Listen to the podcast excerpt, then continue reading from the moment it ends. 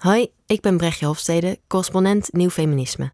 En ik heb een stuk geschreven over de honger naar God en hoe die verandert. De meeste mensen hebben vandaag geen godsdienst meer, maar we zijn nog steeds op zoek naar antwoorden op de vraag hoe we moeten leven. De kerken lopen leeg, maar we blijven zoeken. En het wachten is op een nieuwe profeet die ons dat gaat vertellen. En de eerste sollicitaties stromen al binnen.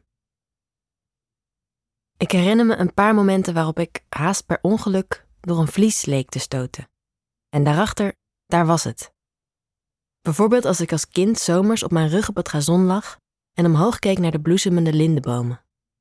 Ik kon de bijen zien die met duizenden tegelijk rond de takken vlogen.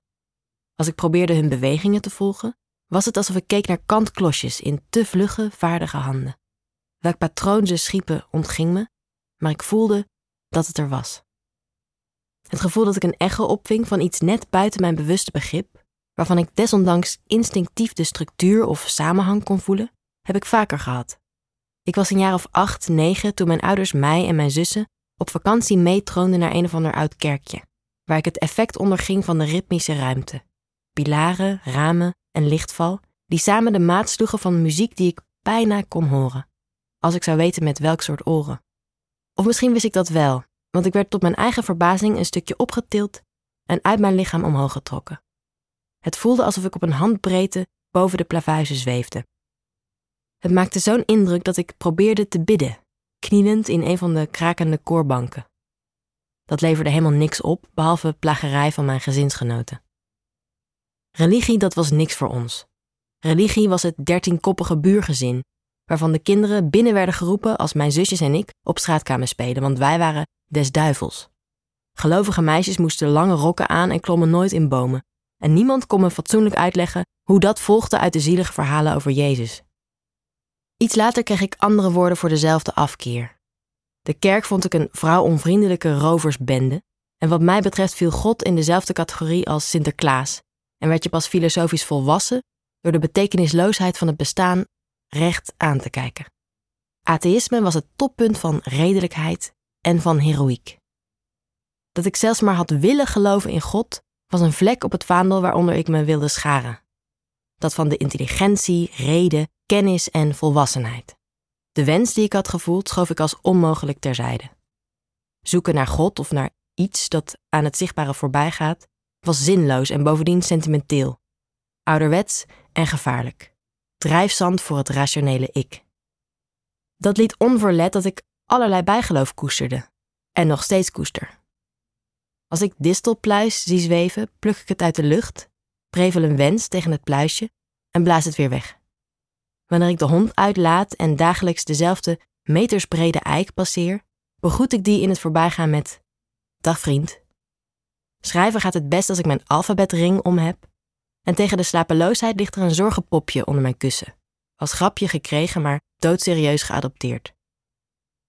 Zoals veel atheïsten heb ik onduidelijke twijfels bij mijn rationele overtuiging. Het lijkt op het onrustige gevoel dat je iets bent vergeten of hebt nagelaten, al kun je er nog niet op komen wat. Maar er ontbreekt iets. Je bent te licht. Ik begon na te denken over dat gemis nadat ik te horen had gekregen dat ik wellicht niet of enkel met grote moeite zwanger zou kunnen worden.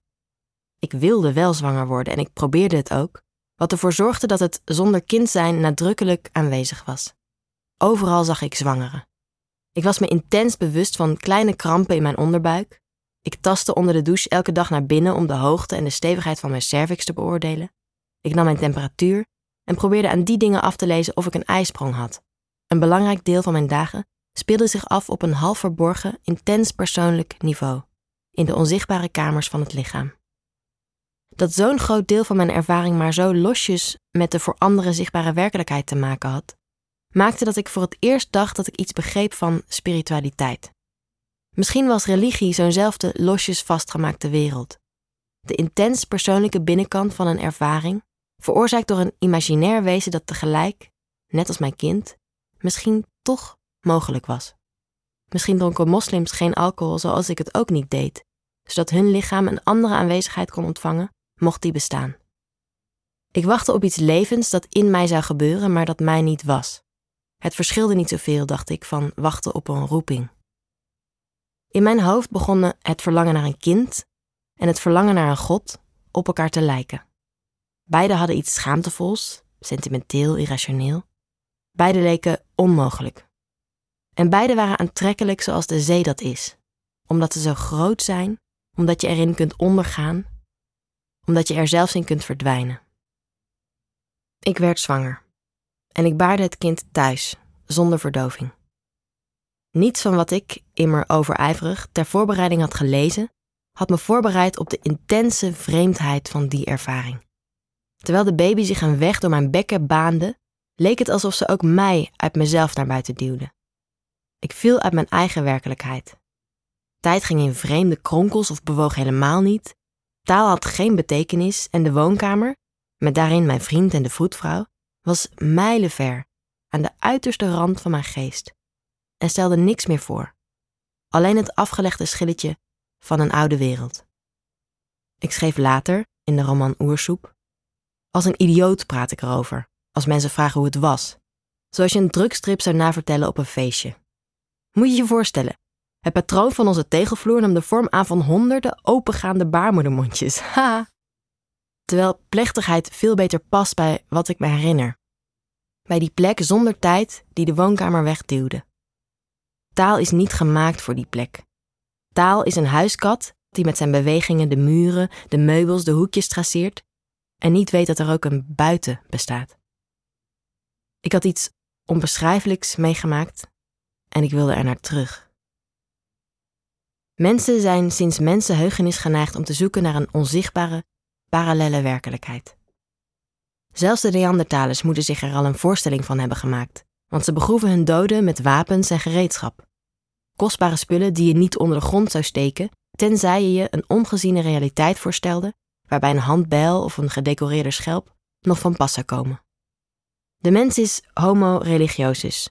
Zo toont religiehistoricus Karen Armstrong in haar lijvige History of God.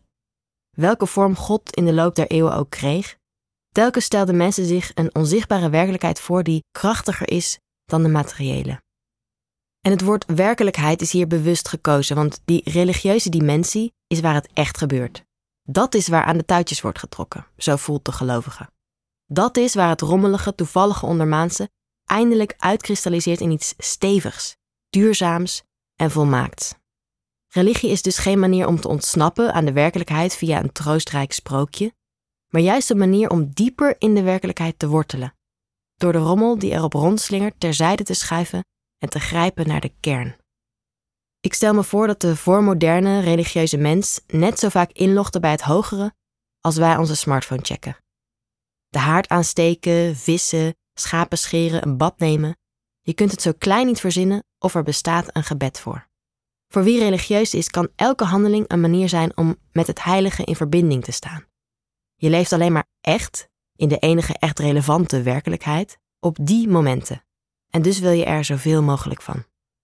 De beroemde grondlegger van de psychologie, de Amerikaanse wetenschapper William James, zag de neiging om te zoeken naar een onzichtbare werkelijkheid als een onuitroeibare neiging van de menselijke geest. Hij schreef: Net als liefde of angst is het geloof een natuurlijke psychische staat. De behoefte die eraan ten grondslag ligt is even bazaal als James hem verwoordde. Help! Help!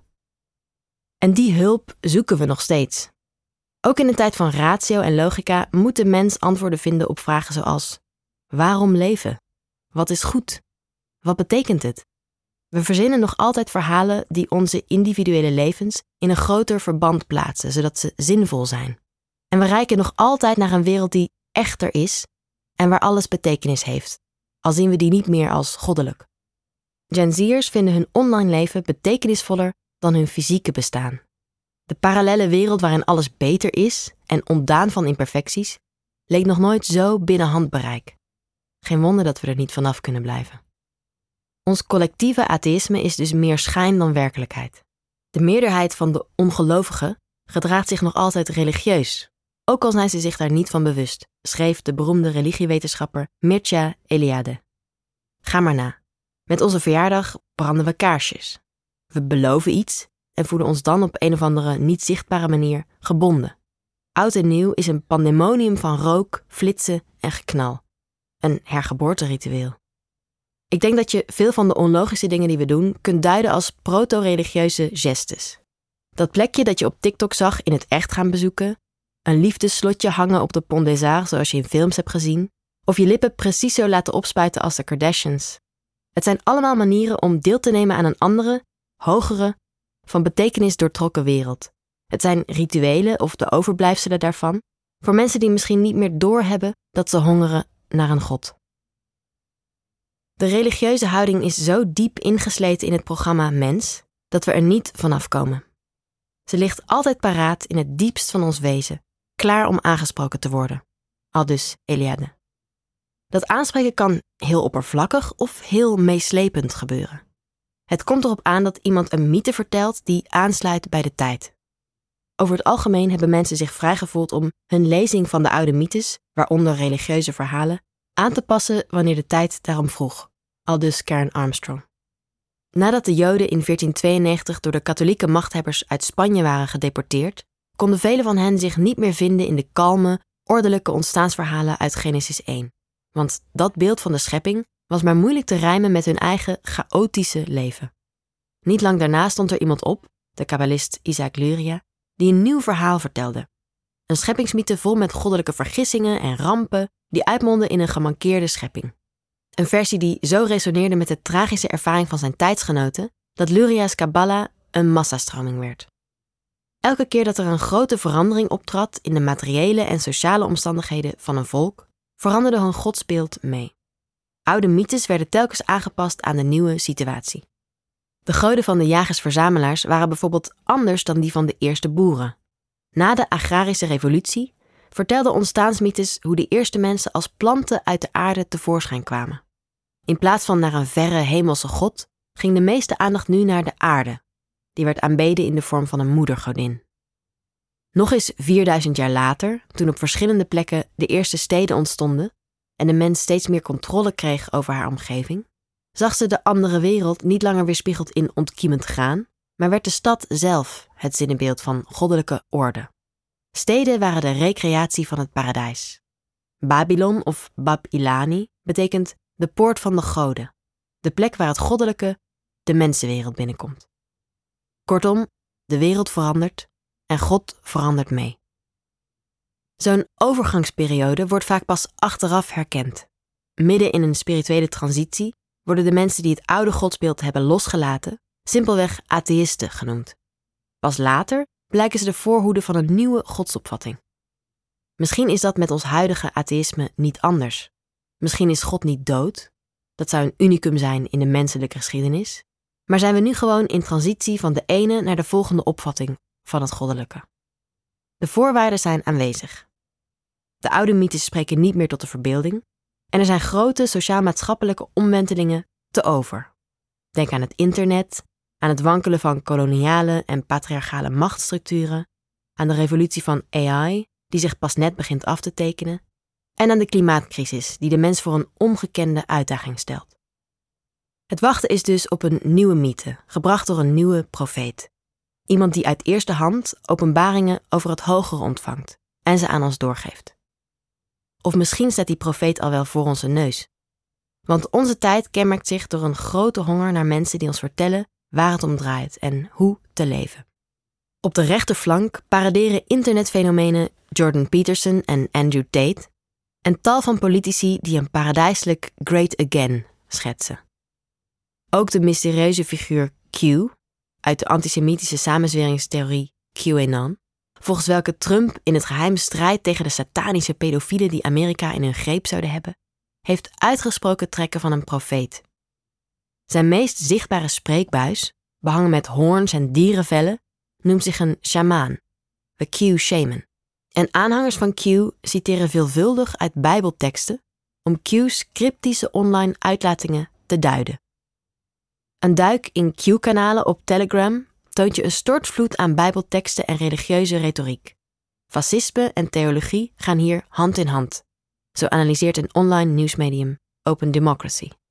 Q zelf wordt beschreven als een postmoderne, mystieke profeet, wiens online drops of uitspraken dezelfde rol vervullen als heilige teksten en voor volgelingen gelijk staan aan Bijbelversen. Verontrustender is dat deze pseudo-profetieën zich snel verspreiden via traditionele, georganiseerde religie, met name evangelische kerken. In eigen land vergeleek Freek Jansen, destijds voorzitter van de jeugdafdeling van Forum voor Democratie, inmiddels Kamerlid, de strijd van zijn partij met die van de Noorse goden. Wij gaan de beschaving redden van de naderende ondergang. Dus net als Wodan Komsuis, staan wij hier verzameld voor het laatste, maar ook het eerste gevecht. De mythische retoriek ligt er zo dik bovenop dat de Groene Amsterdammer de kopstukken van FVD al een bijnaam meegaf: Influencers van Wodan. Motivaction schreef over de relatief sterke behoefte aan spiritualiteit onder aanhangers van Baudet. De sympathisanten zijn vaker gefascineerd door het geheimzinnige en onverklaarbare in het leven en geïnteresseerd in dat wat de wetenschap niet kan verklaren, al dus het onderzoeksbureau. Het lijkt alsof ze de huidige wereld te kil en te rationeel vinden en op zoek zijn naar een nieuwe betovering. De neiging om profeten te zoeken is er ook op links. Zo zag ik laatst een Instagram-story waarop iemand haar vliegtuigvlucht vergezelde met een prevelgebedje in de richting van Zweden.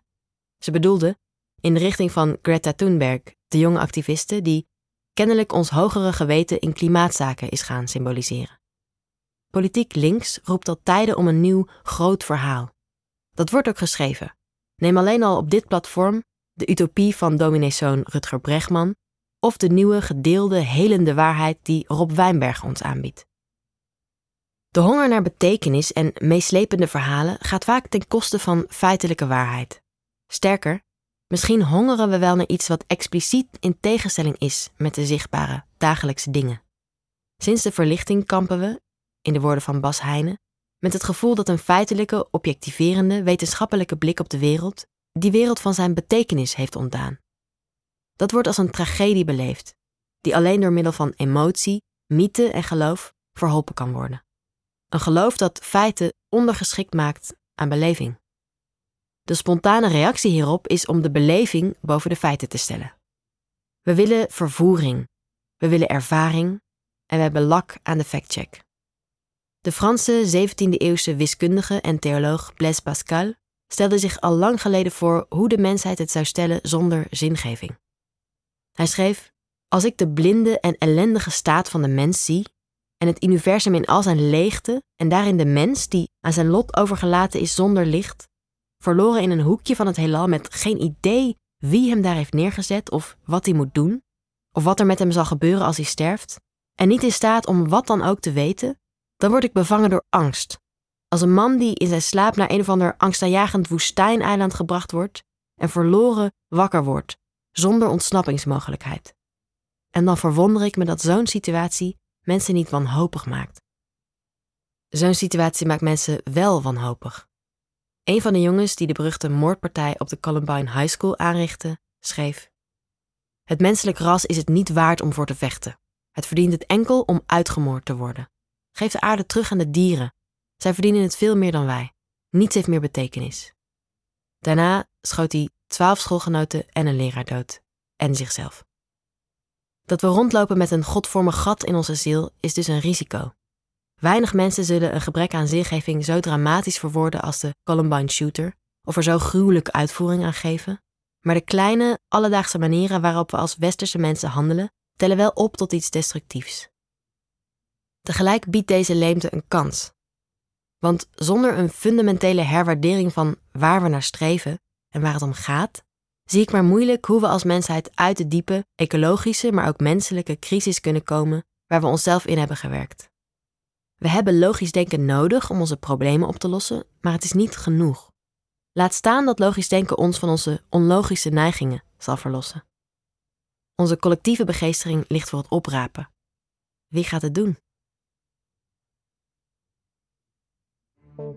Het is de missie van de correspondent om voorbij de waan van de dag te gaan. Onze correspondenten voorzien het nieuws van context en schrijven over de grote thema's van deze tijd. De correspondent geeft me de vrijheid om mijn nieuwsgierigheid te volgen en de tijd om verhalen te schrijven. En zo probeer ik onzichtbare structuren zichtbaar te maken en een andere kijk te bieden op debatten die het nieuws domineren.